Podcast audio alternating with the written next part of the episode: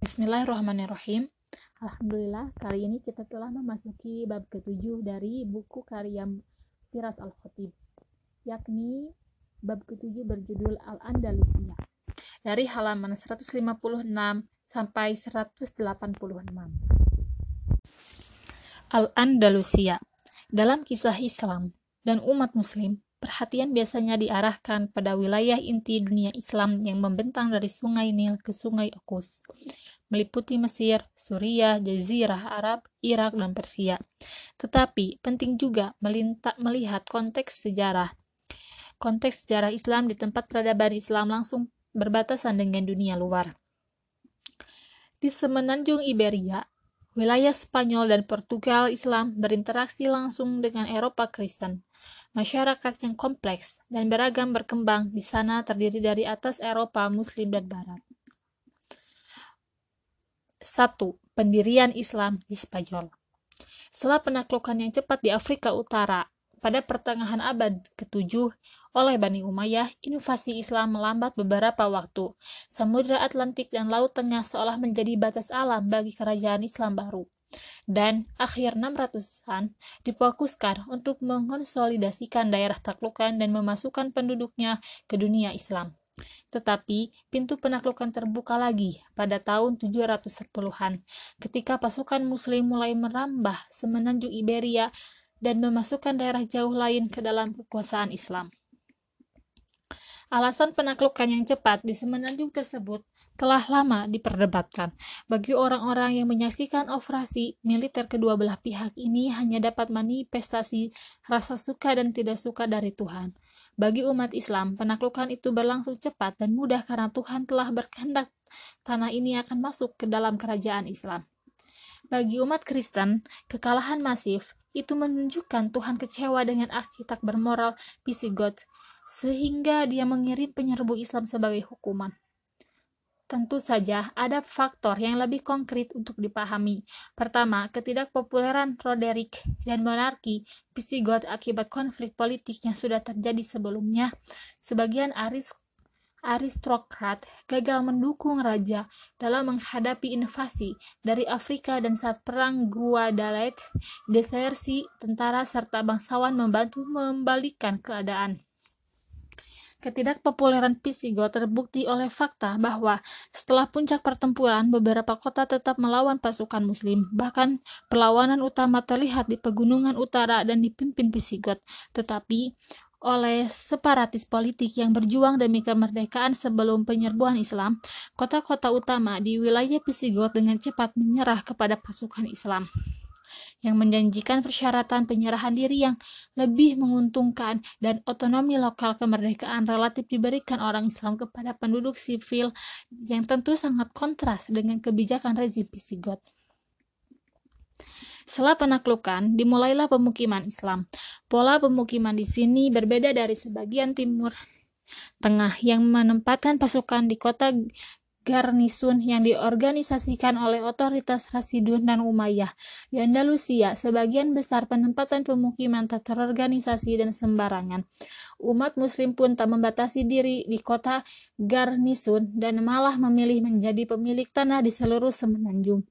Imigran Berber cenderung bermukim di daerah utara dan barat mencari area pengembalaan seperti daerah asal mereka di Afrika Utara. Suku Arab yang datang ke Andalusia kebanyakan berasal dari Yaman yang dan sudah lama bertani. Oleh karena itu, mereka kebanyakan bermukim di daerah subur di selatan dan di kota-kota utama seperti War, Cordoba, Valencia, dan Zaragoza. Baik suku Arab maupun Barbar banyak yang menikahi penduduk lokal dan akhirnya menciptakan masyarakat unik baru yang menggabungkan aspek budaya Arab, Berber, dan Hispanik. 2. Penguasa, penguasa Umayyah dalam beberapa dekade pertama pemerintahan Islam Andalusia terlebih dari sekedar provinsi jauh dari sepi dan sepi dari kekhalifahan Umayyah yang luas. Keadaan berubah pada 700-500-an saat Abbasiyah berhasil menggulingkan keluarga Umayyah di Suriah. Sebagian besar anggota keluarga Umayyah dipenjara atau dihukum mati. Salah seorang Umayyah muda berhasil lolos dari pembunuhan. Abdur Ar-Rahman, pangeran berusia 20 tahun, melarikan diri dari Damaskus pada tahun 750 Masehi persis depan hidung pasukan Abbasiyah yang memulai perjalanan Evos melintasi dunia Islam untuk mencari bantuan dan dukungan setelah seluruh keluarganya mati. Ibunya seorang berber sehingga mencari ia bantuan dari tanah asal berber di Afrika Utara.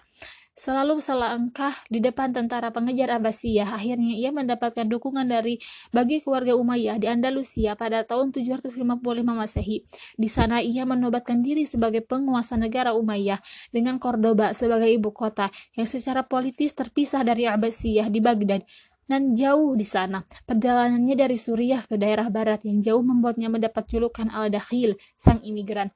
Emirat Umayyah yang didirikan Abdurrahman Ad-Dakhil menjadi kawah percampuran budaya selama berabad-abad setelah kekuasaannya.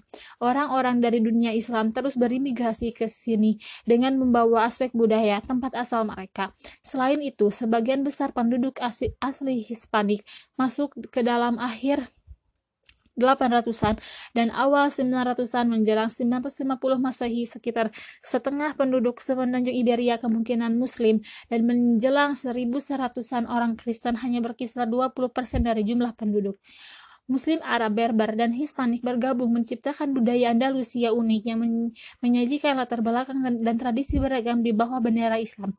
Bahkan orang-orang Kristen yang tinggal di Andalusia mengadopsi budaya Islam dan mengembangkan bahasa seni adat Arab pengaruh budaya dan bahasa ini masih tampak sehingga sekarang dalam bahasa Spanyol yang tetap memakai kata pinjaman dari bahasa Arab.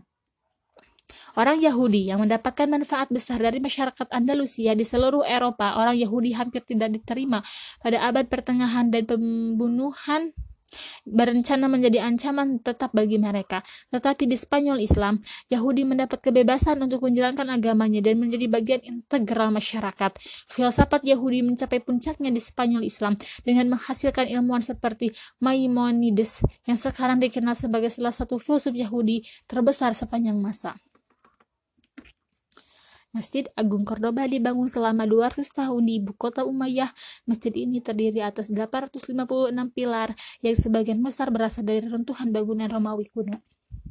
Puncak negara Umayyah di Spanyol terjadi selama pemerintahan Abdurrahman III dari 912 hingga 961 Masehi. Dalam hampir setengah abad kekuasaannya, ia menyatakan diri sebagai khalifah dunia Islam. Walaupun tak mempunyai kekuatan di luar semenanjung Iberia, klaimnya tentang peran lelu leluhur Umayyah yang berkuasa pada abad ke-7 dan ke-8 berperan penting untuk melawan kekuatan Fatimiyah yang baru tumbuh di Afrika Utara. Khalifah Abbasiyah di Baghdad ibarat menjadi tahanan yang kehilangan pengaruh di istana sendiri di bawah pemerintahan berbagai dinasti Turki sedangkan Syiah Fatimiyah menjelma menjelma ancaman nyata bagi keberlanjutan eksistensi Sunni Islam sebagai kekuatan politik. Abdurrahman III mencintai seni dan ilmu pengetahuan dalam keadaan yang sama dengan Al-Ma'bud dari Abbasiyah sebelumnya dan se dan Sulaiman yang hebat di otonom nantinya lebih dari 600 perpustakaan berada di ibu kota Cordoba. Perpustakaan terbesarnya berisi koleksi lebih dari 400 ribu buku dalam berbagai bahasa. Ada sangat banyak toko di, toko di kota menghasilkan barang-barang yang menghargai di seluruh Eropa. Kulit, sutra, kertas, wol, dan kristal semuanya diproduksi di Cordoba dan diperdagangkan ke seluruh Eropa dan dunia Islam. Cordoba menjadi kota kelas dunia yang berperan sebagai jembatan antara antara Eropa yang terbelakang dan kebanyakan buta huruf dengan kota-kota kebudayaan di tinggi di dunia Islam. Jika ingin menjadi terpelajar, seorang Eropa akan berpergian ke Andalusia untuk hadir di tengah-tengah para cendekiawan dan perpustakaan. Bahkan pemimpin gereja Katolik abad ke-10, Paus Sylvester II belajar di Andalusia semasa muda dan terpikat dengan prestasi ilmiah peradaban Islam. Abad berikutnya, saat universitas pertama dibuka di Italia, Prancis, dan Inggris, sebagian besar perpustakaannya berisi buku terjemahan karya-karya di perpustakaan Cordoba dalam bahasa Latin. Spanyol Islam adalah jalan raya utama tempat mengalirnya pengetahuan dunia Islam ke Eropa yang membantu mencetuskan Renaissance pada tahun 1400-an. Kehebatan Cordoba tak terbatas soal ilmu pengetahuan. Abdurrahman dan penguasa Andalusia terdahulu menekankan kekuasaan serta kesejahteraan melalui masjid. Selain istana yang luas dan indah, contoh terbaik Masjid Agung Cordoba awalnya menjadi Awalnya masjid ini dibangun Abdurrahman Ad-Dakhil, kemudian diperluas berkali-kali 800-an dan 900-an hingga akhirnya dibangun luas yang mampu menampung ribuan jenazah. Ribuan jamaah. Pilar-pilar yang menjadi cirinya menjangga dua tingkat lengkungan yang terbuat dari batu merah dan putih menjadikannya keajaiban arsitektur yang hanya dapat disaingi Hagia Sophia di Konstantinopel. Tak seperti lukisan dan patung di gereja Kristen desain kaligrafi dan bentuk geometris menjadi corak utama impresi artistik artistik di seluruh gedung. Ayat-ayat Al-Quran tertulis dalam huruf kukif kaligrafi Arab menutupi dinding masjid dan menunjukkan keyakinan Islam bahwa Quran adalah bentuk tertinggi ekspresi sastra sehingga pantas berada di masjid terindah. Prestasi arsitektural yang juga dicapai di wilayah sekuler saat Abdurrahman III membangun kota istana raksasa di, di luar Cordoba, Madinat Az-Zahra atau kota yang indah.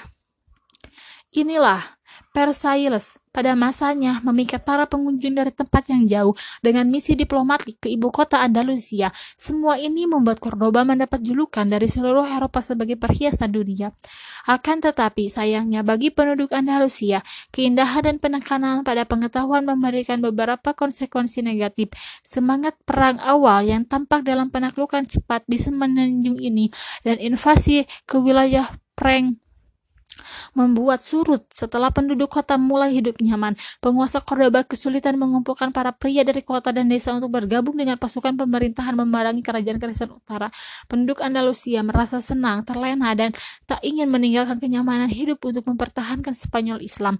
Keluasan penduduk merambat hingga tingkat pemerintahan menjelang awal abad ke-11, perebutan kekuasaan di antara keluarga Umayyah dan pendukungnya umum terjadi.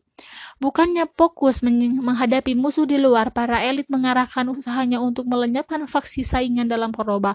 Kelompok-kelompok yang berebut kekuasaan terlalu bernafsu mendaftarkan pasukan Kristen dari utara dan Berber dari Afrika untuk mendukung maksud mereka. Pada 1009, Sulaiman II menggulingkan anggota Bani Umayyah yang lain dengan pasukannya yang hampir semuanya berasal ke Kastilan dan Berber. Ia menyerbu Cordoba dan menyatakan diri sebagai khalifah. Hal ini menimbulkan serangan balas dendam, lalu penyerangan kembali pada tahun berikutnya. Masyarakat yang toleran dan stabil pada abad ke-10 segera tenggelam dalam lumpur dan perebutan kekuasaan dan perang sipil sepanjang seribu serpuluhan hingga seribu dua puluhan persatuan politik Andalusia bubar menjadi banyak negara bagian masing-masing disebut ta'ifah yang saling bersaing. 3. Periode Taifa dan Reformer Berber. Periode Taifa di Andalusia berlangsung pada abad ke-11. Kata Taifa, jama tawarif, bersumber dari Al-Quran yang memperingatkan Muslim untuk menciptakan perdamaian di antara dua tawarif atau pihak yang bersengkat, bersengketa. Tetapi perdamaian dalam periode ini merupakan barang mewah. Persaingan etnis Persaingan etnis antara Arab Berber dan Muslim Iberia menjadi pusat konflik.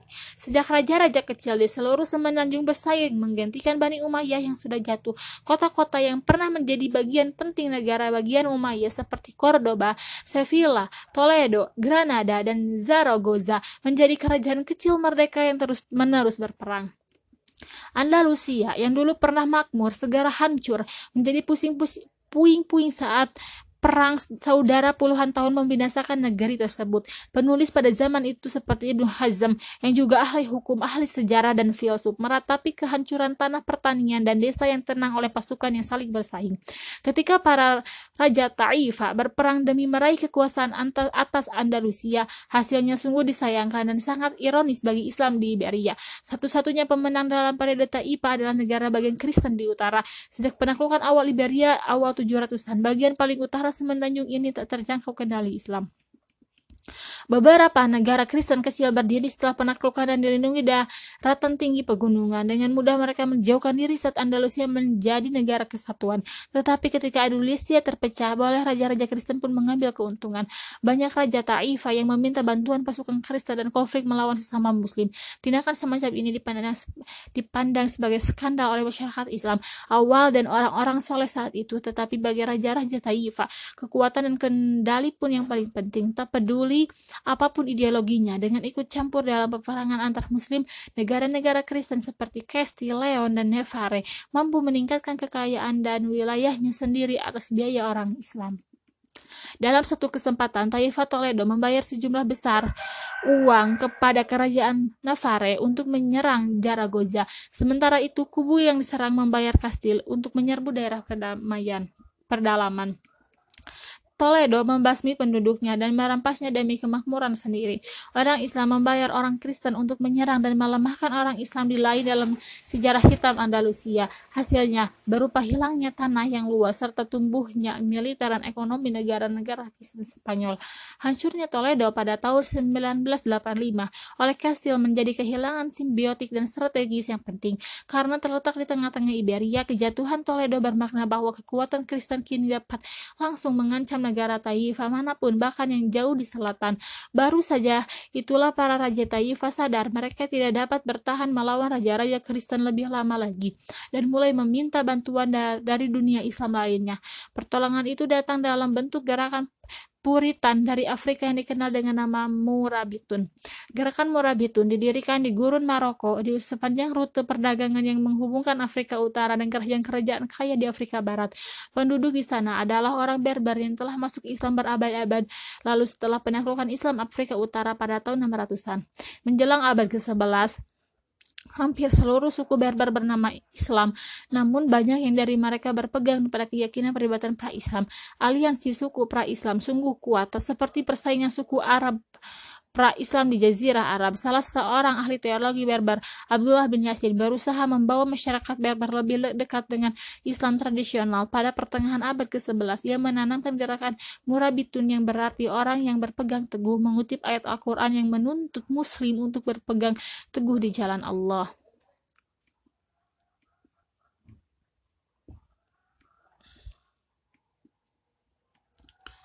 Meskipun menjadi penguasa penguasa Andalusia dari kalangan minoritas, Murabitun diterima dengan baik di awal kekuasaannya. Kepercayaan mereka terhadap ulama Islam lokal sebagai pejabat pemerintahan dan tingkat pajak yang rendah menimbulkan dukungan luas dari masyarakat. Murabitun tak bisa berdiam diri berkaitan dengan politik dan konflik di utara.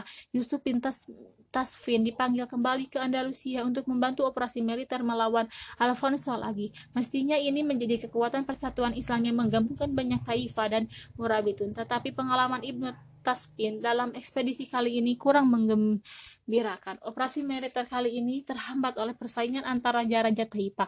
Mereka selalu mengeluhkan rekannya kepada Ibnu Taspin dan percaya kepada siapa pun kecuali pendukung terdekatnya. Akibatnya serangan ini gagal dan Ibnu Taspin kembali ke Afrika serta memutuskan takkan kembali lagi dalam lagi dalam politik Andalusia, kelemahan internal Taifa Andalusia dan persaingan raja-raja membuat Alfonso V menjadi ancaman bagi keberlangsungan Islam di Iberia. Dan untuk kali ketiga, Ibnu Taslim dan Murabitun dimintai pertolongan. Dalam kedatangannya ketiga ke Andalusia, Ibnu Taslim membawa fatwa dari Imam Al-Ghazali yang menyatakan raja-raja Taifa sudah korup, tak layak berkuasa dan harus digulingkan. Pada tahun 1090 Masehi, penaklukan Andalusia Morabitun dimulai dengan pimpinan langsung oleh Ibnu Taskin untuk menghadiri periode Taifah. Raja-raja Taifah tak mau menyerahkan kekuasaannya ke, ke mereka kepada Berber. Bahkan sebagian bersumpah setia pada kerajaan Kristen untuk menahan Morabitun.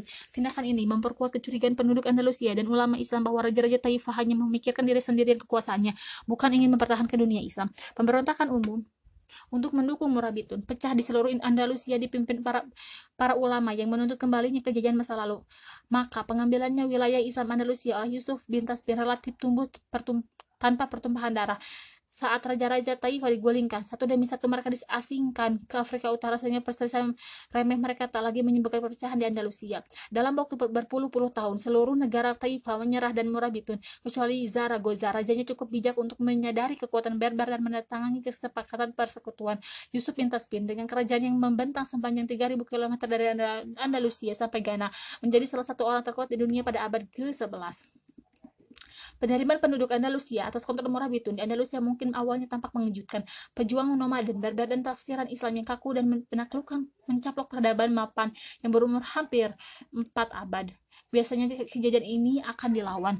Akan tetapi ada tema sejarah Islam yang unik dan berulang. Ketika suatu bagian dunia Islam terpecah secara politik dan invasi eksternal mendekat, maka berkumpul di bawah satu pemimpinan dan bendera Islam biasanya menjadi jalan keselamatan. Contohnya, penyatuan pos terdepan Islam jauh di barat di antara Mesir dan Suriah di bawah Saladin selama perang salib dan penggabungan wilayah kekuasaan Turki pada 13-an oleh Ottoman.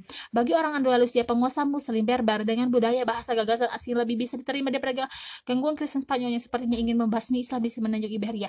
Ditambah lagi pesan sederhana murah tentang kembali ke Islam sejati sebagian yang dipraktikkan Nabi serta penghapusan hukum pajak yang tak adil pastilah menarik bagi rakyat Andalusia. Meskipun menuai popularitas dan keberhasilan di Andalusia, Morabitun tak kebal dari jatuh bangunnya dinasti. Di bawah Yusuf bin Taspin, mereka berekspansi sedemikian luas sehingga hampir mengambil seluruh tanah Islam. Iberia menjadi kerajaan antar benua, tetapi mereka gagal mendapatkan kembali wilayah yang telah dikuasai Kristen. Toledo yang pernah menjadi kota besar Islam hilang selamanya. Kerajaan Kristen hanya dihentikan tak dihancurkan.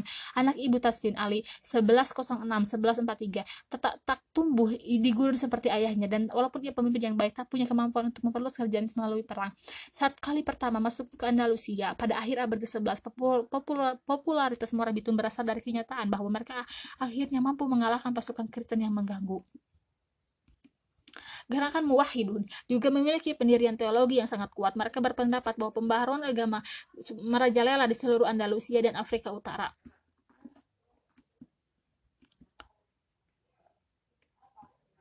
Kedatangan muwahhidun mendorong kebangkitan Islam. Andalusia memusatkan perhatian pada ibadah Islam.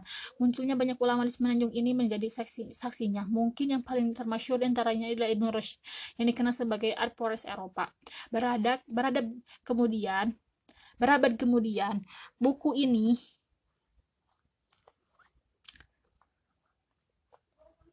Ia mengarang sumbangannya paling langgang di bidang fikih walaupun mengikuti mazhab fikih Maliki sebagaimana umumnya orang Afrika Utara Andalusia.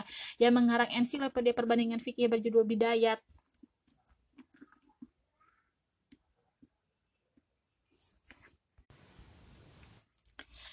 Pada tahun 1236 Cordoba jatuh ke tangan Kastilia, ibu kota bersejarah di awal Islam Spanyol dengan masjid agung, perpustakaan, istana, dan taman yang monumental tak mampu menahan pasukan Kastilia di masjid tersebut dipaksa berubah menjadi katedral Katolik dengan kapal raksasa di tengah bangunan. Tata letak bangunan tersebut yang ceruknya menghadap Mekah dan prestasi Qurani di dinding semuanya tak ada mengelilingi kapal Kristen dan ironis yang menjadi saksi sejarah tempat peribadahan Islam pada abad ke-16 Kaisar Roma Suci akan celak perubahan masjid itu menjadi katedral menyebut bangunan yang amat indah itu lebih diubah menjadi sesuatu yang biasa dan umum. Akan tetapi tak seluruh Andalusia kalah setelah jatuhnya Muwahidun Emirat Granada yang memanjang di pantai selatan Iberia tetap merdeka dari kekuasaannya Kristen. Di sana satu dinasti Arab bernama Nasrid berkuasa dan mampu bertahan selama satu atau dua abad lebih. Mereka berasal dari Bani Khorraj salah satu suku yang menerima Nabi di Madinah setelah hijrah dari Mekah pada 622 Masehi. Dengan cara yang sama, Nasrid menerima para pengikut Nabi Muhammad yang hijrah dari ibadah Kristen 600 tahun setelah hijrahnya Nabi. Peristiwa hijrahnya Nabi menandakan awal negara Islam dan era baru kekuatan Islam di Jazirah Arab. Tetapi kedatangan umat Islam di Granada menandakan akhir kekuasaan Islam di semenanjung Iberia. Inilah negara bagian Islam yang tersisa di Andalusia. Akan tetapi, Nasrid di Granada tak pernah benar-benar independen.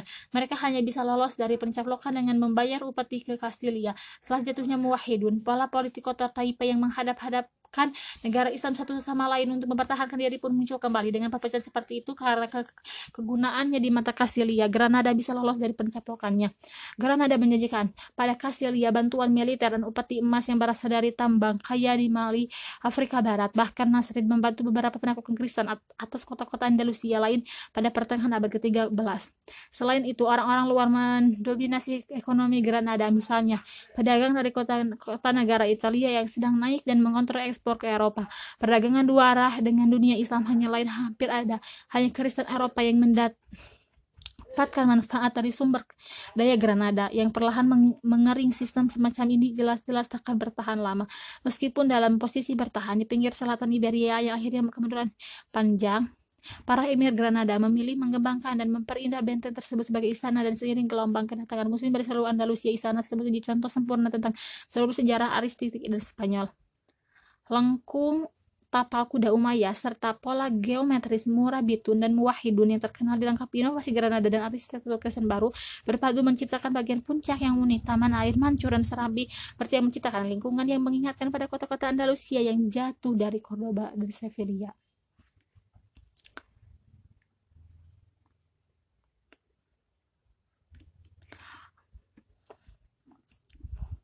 Bagi sang emir yang, dita yang ditaklukkan dan ketidakmampuan politiknya langsung membuat hilangnya potongan Andalusia terakhir.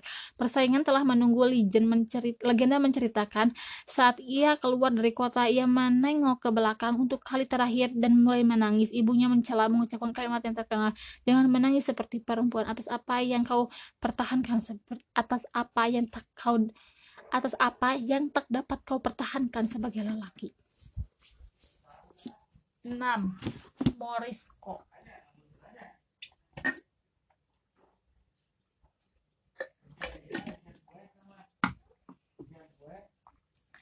Sejarah politik Andalusia berakhir pada tahun 1492 Masehi, tetapi ini bukanlah akhir penduduk Islam Spanyol.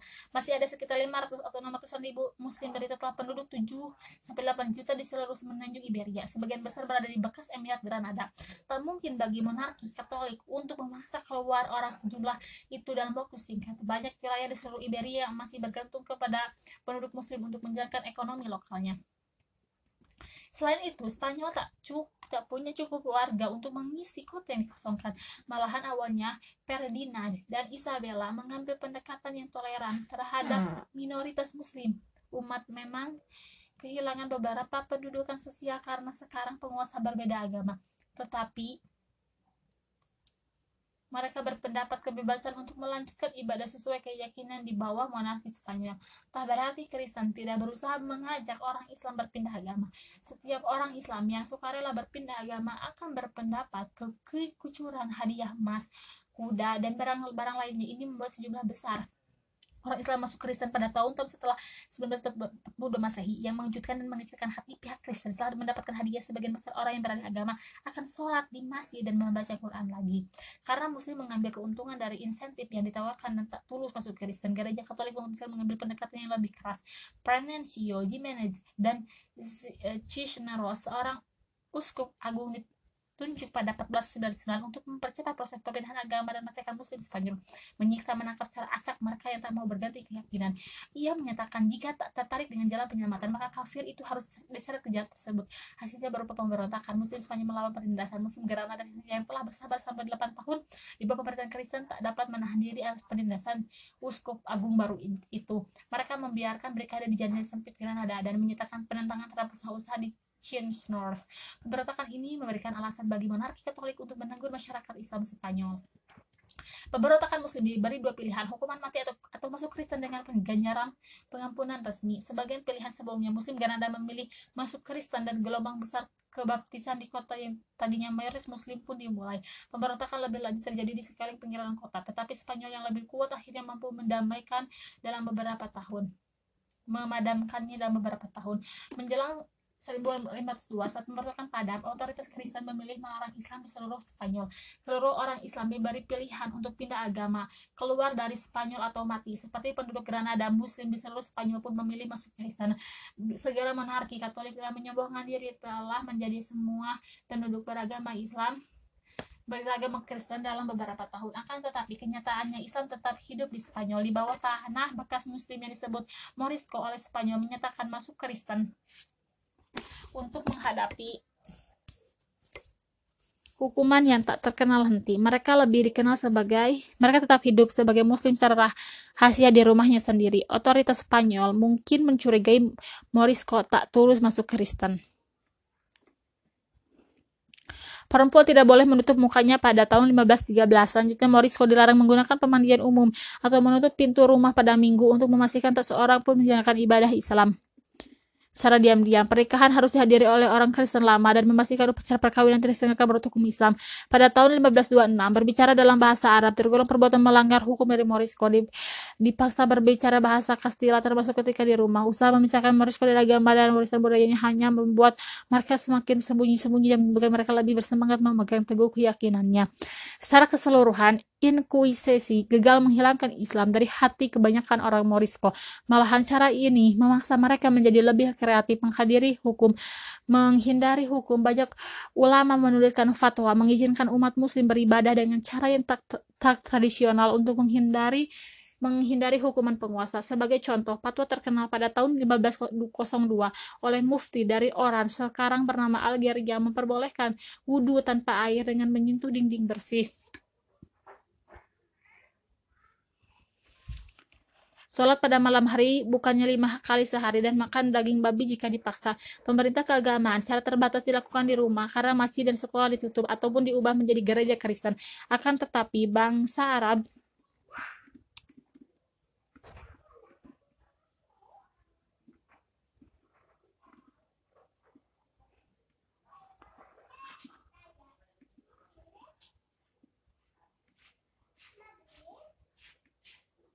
Akan tetapi, bahasa Arab bertahan di balik pintu yang tertutup karena orang tua tetap mengajarkan ritual Islam dan Al-Quran kepada anaknya. Orang Morisco bernama Kristen, bernama Kristen akan tetap ke gereja pada minggu berdoa menurut ritual Kristen. Ketika di rumah, dia dipanggil dengan nama Muslim rahasia, membaca Al-Quran dan berdoa dengan cara Islam.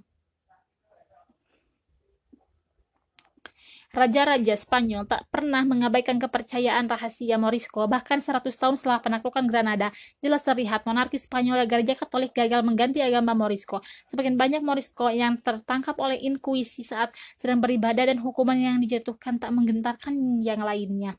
Raja Philip, Philip III yang sangat dipengaruhi pendeta Katolik garis keras memutuskan untuk mengusir seluruh Morisco keluar dari Spanyol meskipun protes dari aristokrat merebak di seluruh Spanyol karena menganggap pengusiran Marisco mengganggu perekonomian dampak dekret kerajaan itu terasa pada tahun berikutnya.